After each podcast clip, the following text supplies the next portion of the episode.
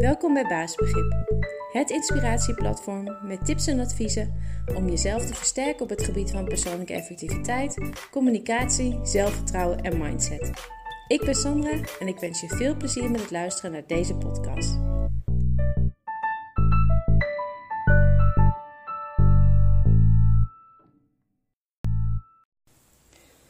En deze keer wilde ik het hebben over uh, privacy.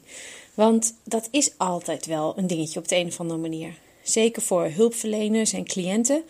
Terwijl het eigenlijk best enorm eenvoudig is. En indirect levert het ook nog een voordeel op voor de communicatie, namelijk meer transparantie. Maar als we beginnen met um, de eenvoud. Uh, de eenvoud van de privacy zit hem eigenlijk in het feit dat je gewoon simpelweg geen informatie mag doorgeven over een ander als diegene van niets weet of geen toestemming heeft gegeven.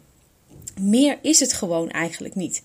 En het is ook heel logisch als je erover nadenkt, want niemand wil dat er over je gekletst wordt zonder dat je het weet. Um, natuurlijk uh, zijn er ook wel uitzonderingen. Als het bijvoorbeeld gaat om uh, de acute bedreigde veiligheid van een kind. En als je um, ja, melding wilt of moet maken van kindermishandeling.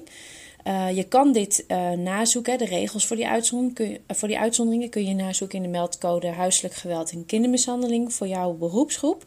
Um, in die van de KNMG, dat is die van de artsen. daar staat bijvoorbeeld in, um, onder bepaalde omstandigheden is het doorbreken van het beroepsgeheim zonder toestemming echter wettelijk toegestaan. Dit staat onder meer in de wet maatschappelijke ondersteuning uit 2015. Maar zoek dit dus even gewoon goed na. Terug naar de privacy. Naast dat het dus gewoon heel logisch is, heeft het ook indirect een voordeel. Um, als je al niet een enorme voorstander was van openheid en transparantie, wat natuurlijk iedereen is als je eh, met communicatie te maken hebt, um, maar als je al, daar al niet de voorstander van was, dan stimuleert privacy uh, je eigenlijk wel om deze kenmerken van communicatie toe te passen.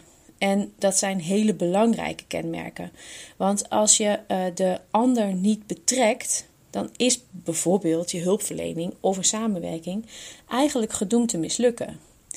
Leg vanaf het begin goed en duidelijk uit wat jullie gezamenlijke doel is en dat je daarvoor mogelijk bepaalde informatie moet delen en waarom dat een voordeel is of misschien noodzakelijk is voor de ander.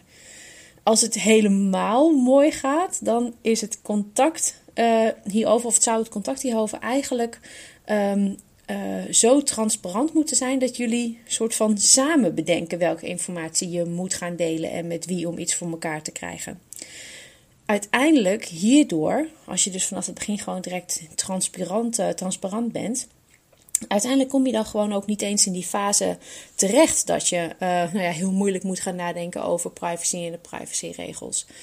Dus um, Blijf transparant in het contact met een ander en hou het vooral heel simpel.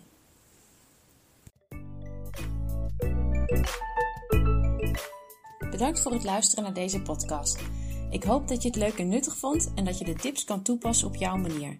Heb je vragen? Stuur dan een mail naar info.baasbegrip.nl of neem een kijkje op de site www.baasbegrip.nl. Tot de volgende podcast.